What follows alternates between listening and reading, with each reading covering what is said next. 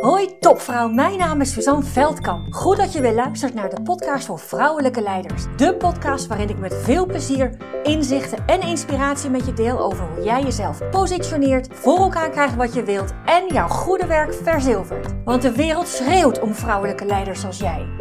Ontdek hoe je tot in je tenen voelt wat voor een geweldige vrouw je bent. Hoe je op alle vlakken van je leven regie pakt. En natuurlijk hoe je dat allemaal positioneert zodat je jouw goede werk verzilvert. Inspireer anderen met jouw vrouwelijk leiderschap voor een gelijkwaardige wereld.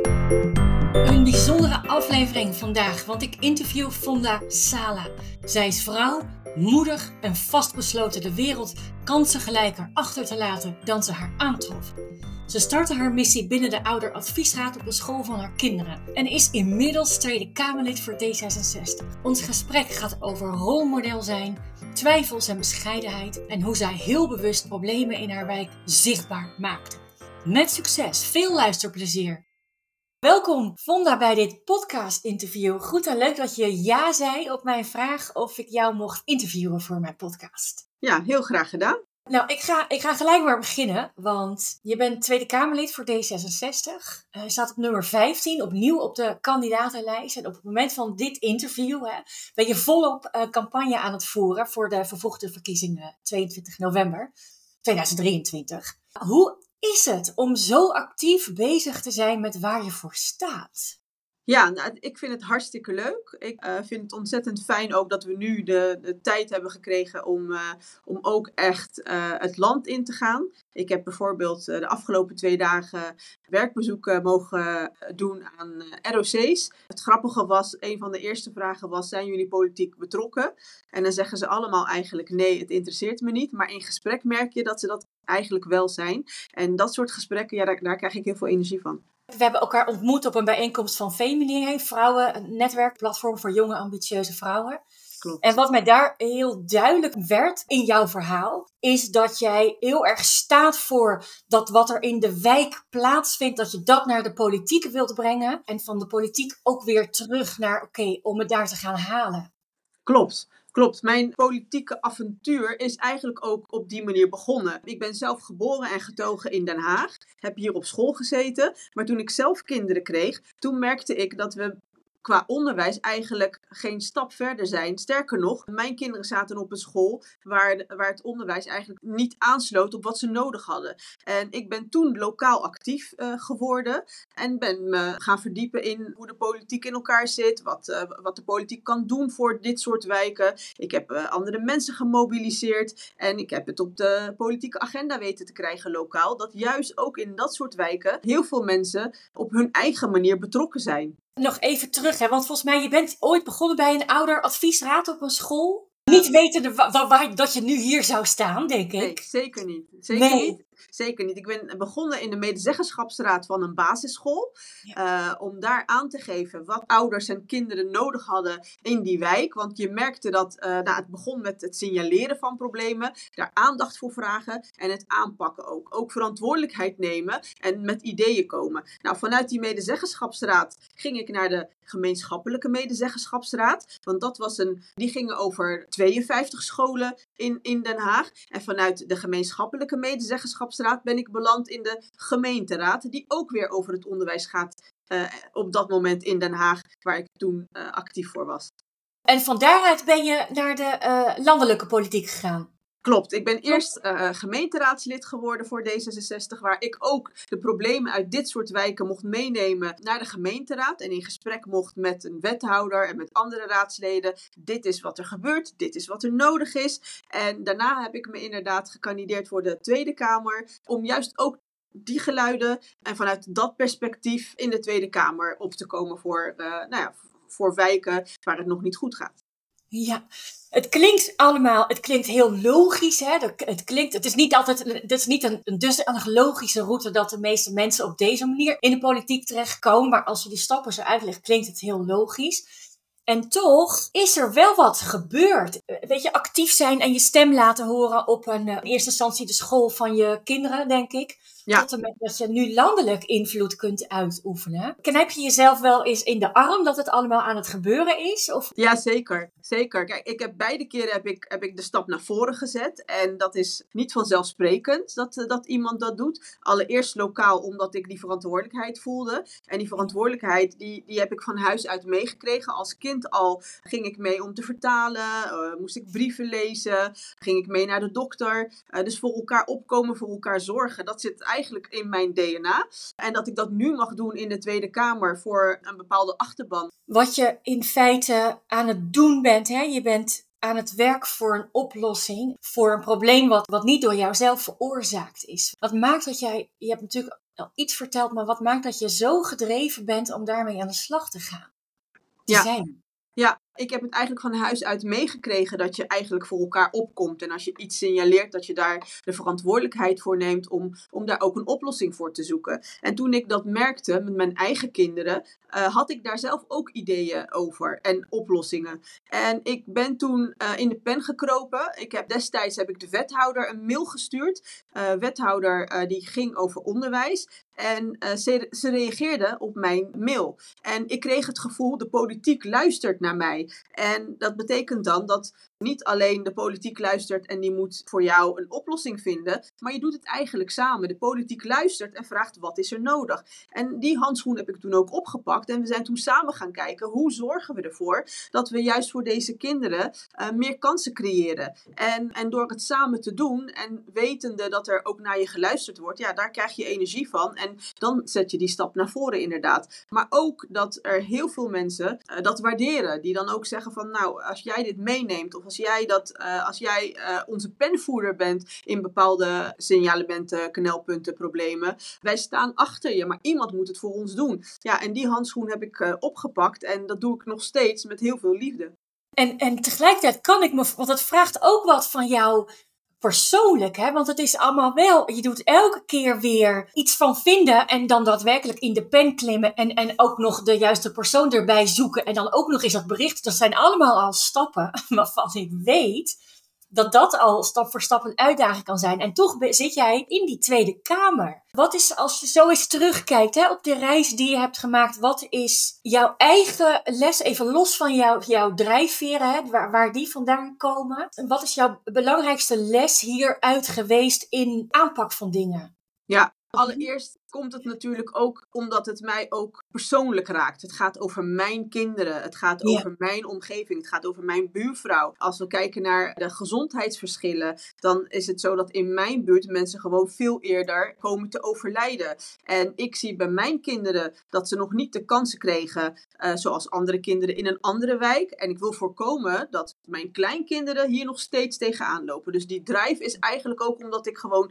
in mijn directe omgeving zie en hoor wat het betekent. Maar als ik uh, terugkijk, dan denk ik wel dat, dat het wel zo is dat vrouwen heel vaak twijfelen om zoiets te doen. Uh, ik ben ook uh, niet voor niets bijvoorbeeld lid van Stem op een Vrouw. En ik, ben, ik heb me opgegeven als mentor om iemand te mogen coachen om ook die stap naar voren te zetten. Want het was ook Sigrid Kaag die zei, die zei vrouwen twijfelen heel vaak aan zichzelf en mannen doen dat niet. Dus vraag jezelf niet te vaak af, ben ik geschikt ja of nee, maar ga het gewoon doen. En ik zou, ik zou zeggen, als ik een advies zou mogen geven aan de jongere Fonda, dan had ik deze stap misschien wel nog eerder gezet. Oh ja, ja want, want je kwam uiteindelijk natuurlijk bij Sigrid terecht. Maar daarvoor heb je ook heel veel stappen gezet zonder Sigrid, uh, zonder ja. dat advies. Toch heb je het gedaan. Dus als ik jou zo hoor, dan is het op het moment dat je voor iets staat, hè, want door in actie te komen zet je dingen in beweging en genereer je dit. Het is niet allemaal vanzelf op je pad gekomen, dat heb je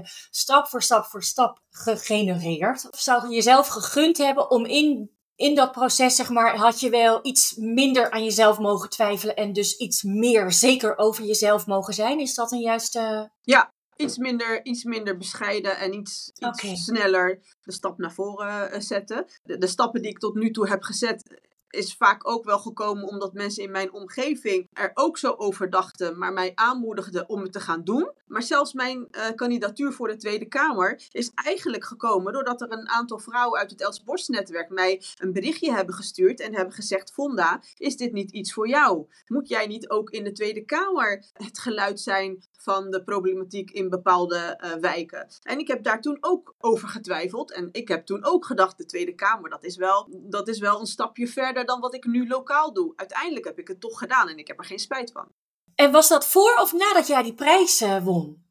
Nadat ik de prijs won. Oké, oké. Maar goed, om de prijs te winnen ben je in dat Els netwerk aangedragen, toch? Door voorgedragen. Dus er waren toen al mensen die van alles in jou zagen. Klopt, klopt. Het was een eh, lokale Els netwerk in Den Haag. En toen was ik al actief in de wijk. En mocht ik een weekendschool opzetten voor kinderen um, die een extra uitdaging nodig hadden. En vanuit het Els netwerk in Den Haag ben ik inderdaad genomineerd. En heb ik de landelijke Els Inspiratieprijs gewonnen. Wat een ontzettende eer was. Ja. Ja, ja. zeker wat ik je even nog terugkomend op wat ik je net hoorde zeggen. Hè? Dus je zou als je je jongeren zelf een advies had mogen geven, dan had je minder mogen twijfelen en wat minder bescheiden mogen zijn. Maar als wij, zeker in, in Nederland, denk ik, op, op veel meer plekken, maar in Nederland helemaal, is bescheidenheid natuurlijk wel een groot goed. Hè? En dan vooral het niet arrogant mogen zijn, niet boven dat maaiveld uitsteken. Hoe kijk jij daar tegenaan? Ja, nou ja, dat, dat is iets wat inderdaad in Nederland heel gebruikelijk is. En vooral vrouwen hebben. Mannen hebben dat niet.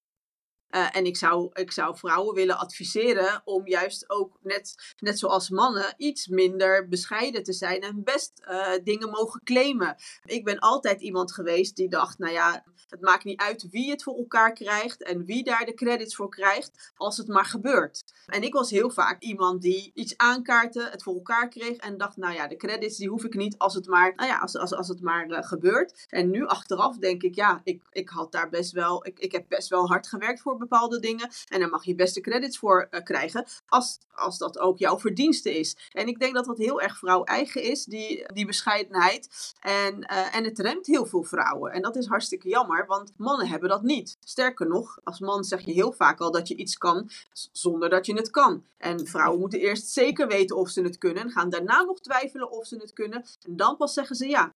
Dat heeft volgens mij, tenminste wat, wat ik tegenkom, hè, in, in, want ik ben uh, in mijn werk bezig met het versterken van, uh, van vrouwen. Het gaat denk ik heel erg over eigenaarschap nemen over wat jouw bijdrage is geweest, maar ook dus het lef hebben om daarvoor te gaan staan.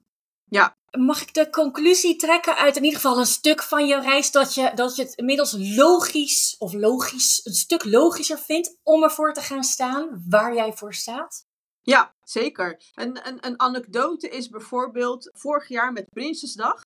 Toen zat ik achter Amalia. En op een gegeven moment gingen we staan en kon je mij heel goed in beeld zien. De volgende dag was het op, uh, op het jeugdjournaal. Nou ja, het jeugdjournaal wordt vaak gekeken door, door klassen. En toen kreeg ik een berichtje van een juffrouw. En die zei, er zat een meisje bij mij in de klas. Toen ze jou zag, toen zei ze: Oh, juf, kan je met een hoofddoek ook Kamerlid worden? En als het gaat over durven dromen en uh, iets kunnen worden waar je van droomt. En kijken naar mensen die op je lijken, uh, representatie. Dan is het ontzettend belangrijk om dat te laten zien en uit te dragen. En toen realiseerde ik mij door alleen maar daar te staan. dat je best wel een voorbeeldfunctie hebt voor heel veel jonge meiden in Nederland. Um, en, en dat is ontzettend mooi. Dat, zonder een woord te zeggen, maak je al eigenlijk impact. Ja, je raakte me echt met de woorden, kun je met een hoofddoek ook in de, in de Tweede Kamer? Als je toch zo'n voorbeeld krijgt en, en dan gaat het in, in, in het voorbeeld wat jij benoemde om een hoofddoek, maar dat geldt toch voor heel veel andere voorbeelden. Kun je met dit ook dat? Ja, natuurlijk kan dat. Ja. ja. Ik heb jou horen zeggen, hè, toen ik jou uh, naar je verhaal mocht kijken en luisteren, dat geduld, nou, dat je dat wel hebt uh, moeten leren, weet ik niet, maar dat het er niet altijd aanwezig is in jou als, uh, als mens, dat het jou niet snel genoeg kan gaan. Heb je wel eens de gedachte van, joh, wat als het nou niet lukt? Nee, ik heb wel gedacht, wat zonde, er gaan generaties verloren.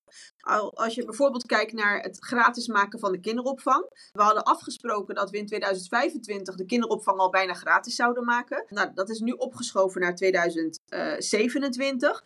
Uh, de eerste stappen zijn daarvoor al gezet. Er wordt een stelsel gebouwd. Maar ik merk nu al dat een aantal partijen in hun verkiezingsprogramma die hele kinderopvang helemaal niet gratis willen maken. Terwijl ik denk, maar dat is ontzettend belangrijk. Want dat is de springplank naar een, een goede toekomst, naar een, een, een gelijke toekomst, naar het uh, voorkomen van achterstanden. Dus daar maak ik me dan wel zorgen over. En dan denk ik, ja, maar dat moeten we dan toch blijven benoemen en ervoor zorgen dat het wel gaat lukken.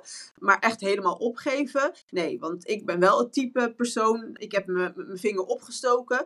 En ik weet nog, nou, voordat ik uh, überhaupt Kamerlid was, kreeg ik ook al wat, wat tegenstrijd van bijvoorbeeld een Geert Wilders die vond dat iemand zoals ik niet in de Kamer hoort. Maar dat geeft mij alleen maar iets, geeft mij alleen maar meer strijdlust. Dan denk ik, nou, iemand moet het doen. En, uh, en als, het, als, nou ja, als het dan toch op deze manier gebeurt, geeft het mij alleen maar energie om door te zetten. Maar opgeven is zeker geen optie. Nee.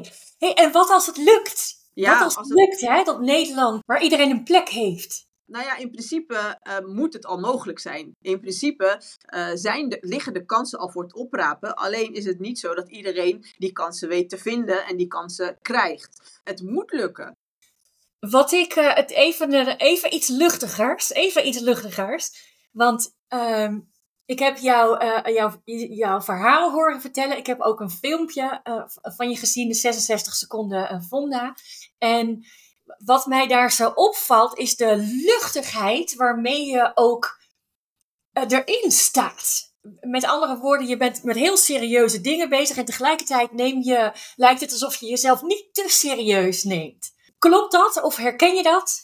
Ja, ja, eigenlijk wel. Ik ben iemand die heel veel humor gebruikt ook. Niet omdat het geen serieuze onderwerpen zijn, maar omdat ik denk, we zijn, we zijn ook collega's, we werken samen. We hebben vaak samen de, dezelfde drijfveer. En ik denk oprecht dat er meerdere wegen naar Rome zijn. Als dit niet de juiste weg is, is er altijd wel, nog wel een andere weg. En, en ik ben ook wel uh, het type mens die altijd kijkt naar die stip op de horizon. En daar wil ik komen. En als het via de politiek is, dan is dat prima. Lukt het niet via de politiek, dan zoek ik een andere weg. Maar die stip op de horizon, die gaat er komen. En ik denk dat dat de enige juiste instelling is. Want anders ga je frustreerd raken, word je cynisch. Maar mijn stip op de horizon is gelijke kansen voor iedereen. En dat mijn kleinkinderen straks niet meer, dat het voor hen niet meer mag uitmaken in welke wijk ze geboren zijn. En, en ik ga er alles aan doen om, om, eh, dat te bewerkstelligen. En ik ben gelukkig niet de enige. En door daar ook een beetje, ja, je moet ook een beetje genieten van het leven en er wat luchtiger in zitten. En, en, en op die manier krijg je ook andere mensen mee, denk ik.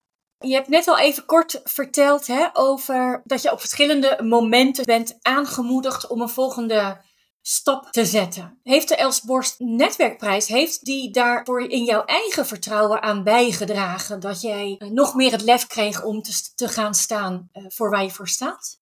Zeker, die erkenning was ontzettend fijn inderdaad uh, om, om gezien te worden en, en, erkend te worden voor alles wat je daarvoor hebt gedaan.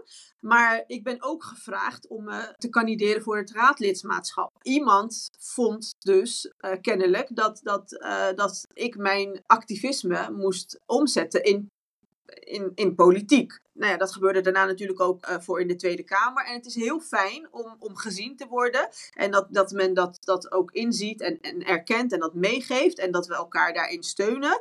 Dus dat, dat heeft zeker geholpen.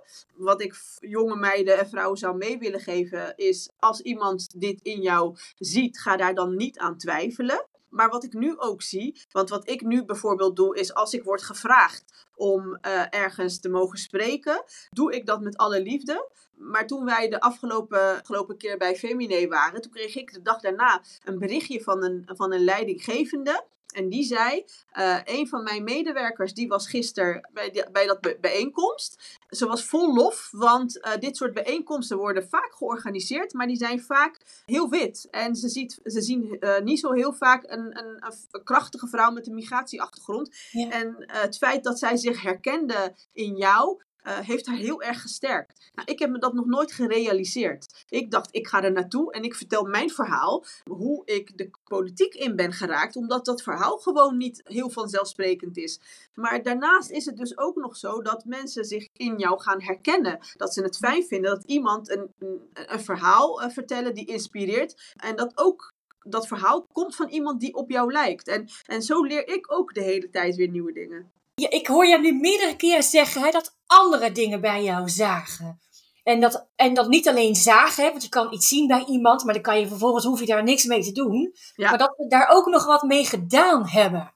Dat is allemaal heel leuk en aardig. Maar wat als dat nou nog niet gebeurt? Want bij jou is het, is het ook, je hebt ook niet, waarschijnlijk ook niet één keer een zaadje ergens uh, neergegooid. En uh, toen kwam er een prachtige eik uit, zullen we maar zeggen. Nou, ik had het blijkbaar wel nodig dat, dat, dat, dat ik Ja? aangemoedigd werd. eh, en dat er tegen mij werd. Want, want ik, ik, ben altijd heel mondig geweest. En ik heb altijd moeten tolken en mee moeten gaan. En, en nou ja, ik was al een soort van maatschappelijk werker toen ik twaalf was. Dus ik, Ja. ik wist de, de, de wegen naar bepaalde instanties zonder dat ik ervoor had geleerd, bij wijze van. Dus dat, dat zat al in mij. En voor, voor anderen opkomen, dat is ook iets wat echt Fonda eigen is. Want ik weet nog toen, toen, toen ik begon over mijn kinderen, dat mij is geadviseerd: ga dan naar een andere wijk met jouw kinderen. Ga dan naar een school waar het al allemaal geregeld is. En dat ik toen heb gezegd: ja, maar dat gaan we niet doen, want dan is het geregeld voor mijn kinderen. Maar hoe zit het met al die andere kinderen en al die ouders die niet mondig genoeg zijn? En dat gevoel, dat zat, zat er altijd al. En ik denk dat heel veel mensen, als ze dat hebben, dat ze dat best wel kunnen omzetten. Eh, maar het, het- is ook soms wel of niet je mond opentrekken in een, in een vergadering. Doe ik het wel, doe ik het niet? En we twijfelen allemaal in een vergadering, zal ik het hardop Ja. zeggen, en wat zijn de consequenties? Ja, heel Ehm, herkenbaar. Ja, en als ik, als ik mezelf advies zou mogen geven, zou ik tegen de jongere Vonda zeggen, had gewoon je mond opengetrokken En waarom? Omdat alleen als je je mond opentrekt en het benoemt, het ook opgelost kan worden. Want je kan er wel mee zitten, maar als je het niet hardop zegt, gaat niemand er wat mee doen. En er zijn gewoon echt mensen die gewoon echt een blinde vlek hebben voor bepaalde onderwerpen. En door ze niet te benoemen, gaat niemand er iets mee doen. Eh, Ja, en soms is het wel die roze olifant in de kamer. Zeg ik het wel, zeg ik het niet. Iedereen weet het, maar niemand durft het te zeggen. En ik heb geleerd dat ik nu wel het type persoon ben die het dan maar wel hardop zegt. Ja, en, en dat zou dus ook eh, voor anderen, want dat is inderdaad wel. En vijf minuten na zo'n overleg weet je precies wat je wanneer, wat je eigenlijk had moeten zeggen, Ja. maar dan is het te laat. Ja. Dus En, wat, ook, eh, Ja. wat, wat ook ontzettend belangrijk is, is om van elkaar te leren. We hebben allemaal onze eigen expertise, onze eigen netwerk, onze eigen ervaring. En ik denk dat het wat, wat mannen hebben, die Old Boys Network, dat, dat mis ik nog bij vrouwen heel vaak. En ik denk dat het belangrijk is om juist ook eh, van elkaar te leren en ook van elkaars fouten. Wat had ik eh, liever gedaan en wat geef ik jou mee? En dat is wat ik nu wel heel vaak doe. Door te zeggen van, nou ja, ik heb in bepaalde situaties geze- gezeten en ik heb toen dit gedaan. Maar als ik het opnieuw mocht doen, dan had ik het, had ik het anders gedaan. En Ja. zo leer je juist ook van elkaar. Nog even over twijfels, hè? want ik breng elke werkdag een podcast uit. En ik ben nu ergens bij eh, aflevering eh, 225. Eh, dus eh, ik heb mezelf heel veel eigen gemaakt. En nog steeds heb ik wel eens van die momenten. Dan heb ik een onderwerp en dan denk ik, wie zit hier nu op te wachten? Wie zit hier nu op te wachten? En voor mij is dat nu een signaal, oh, dan heb ik het dus te doen. Ja. Dan heb ik het dus te doen en dan mag ik dus hier. Maar die twijfels zijn niet weg. En ik negeer ze ook niet. Voor mij is in, in dit voorbeeld de manier om het dan juist te doen. Zijn jouw twijfels weg? Als Ja, zeker. Mijn twijfels, mijn twijfels zijn eh, zeker ook weg. Want zoals ik net al zei, nog voordat ik werd beëdigd in de, in de Kamer, was er al een Kamerlid die zei dat ik daar niet hoor. En dat zorgde dan voor dat ik dan zoiets heb van, ja, maar ik hoor er zeker wel. En ik ga Ja. er ook staan. En ik heb net zoveel recht om daar te staan zoals jij. Ik denk, ik, ik denk dan juist, als mensen aan mij twijfelen, dat ik daar juist kracht uit haal. Dus ja. als mensen vinden dat ik iets niet kan, dat ik daar kracht uit haal. Oh ja. En, en je eigen twijfels, jouw twijfels over jou, zijn die inmiddels als sneeuw voor de zon verdwenen? Zijn ze er op bepaalde momenten nog wel en luister je er niet meer naar? Nou, ik, ik denk dat iedereen wel blijft twijfelen. Ja, dat denk ik namelijk Elke ook. keer als, als er iets Ja. nieuws op je pad komt, dan ga je toch weer twijfelen. Kan ik dit wel? Kan ik dit niet? Moet ik het doen? Moet ik het niet doen? En dan is het fijn dat er situaties zijn geweest waar je ook had getwijfeld en waar het goed is gegaan. Maar Ja. ook dat je voorbeelden hebt van andere mensen die, het, die je voor zijn gegaan. En die misschien met minder ervaring en expertise het ook goed doen. En dat we dat van elkaar weten. Want we horen heel weinig van elkaar wat, wat, eh, wat die twijfels waren. En waarom iemand zich wel of niet geschikt eh, vond. En daarom zeg ik heel vaak ook. Ik ben begonnen als buurtmoeder. Ik ben MBO geschoold. En ook ik kan gewoon al die stukken lezen in de Kamer. En kan debatten voeren en begrijp waar ik het over heb. Als de wil er is, dan komt het goed. En dat is mijn verhaal ook heel vaak naar, naar iedereen die twijfelt. En ik, ja, ik weet zeker dat er, dat er hier en daar af en toe nog een twijfel komt. En vooral als je denkt, oh, weet ik er voldoende van? Of gaat iemand uh, mij straks een vraag stellen waar ik geen antwoord op heb? Ik vind het niet heel erg om te zeggen dat ik iets niet weet. Dat, dat is ook een beetje je eigen ijdelheid, denk ik. Ja. Terwijl het juist heel krachtig is om te antwoorden: ik weet het niet, of ik kom erop terug, of weet ik veel wat je. Ja. ja. Ik ga je nog één vraag stellen, Fonda. Als je straks terugkijkt op je leven, hè, waar voel je dan de meeste dankbaarheid voor? Ik ben heel dankbaar dat ik een podium mag geven aan heel veel jonge mensen om zichtbaar zichzelf te mogen zijn dat je er mag zijn. En daar ben ik ontzettend dankbaar voor. Want ik heb best wel een prominente plek om te laten zien dat, dat iedereen gelijk is en dat iedereen er mag zijn. En ik heb ontzettend veel bagger over me heen gekregen. Ik vang heel veel vliegen op. Maar ik ben ontzettend trots dat ik het zo ver heb mogen schoppen. En dat ik ook mag laten zien. Als ik het kan, kunnen jullie het ook.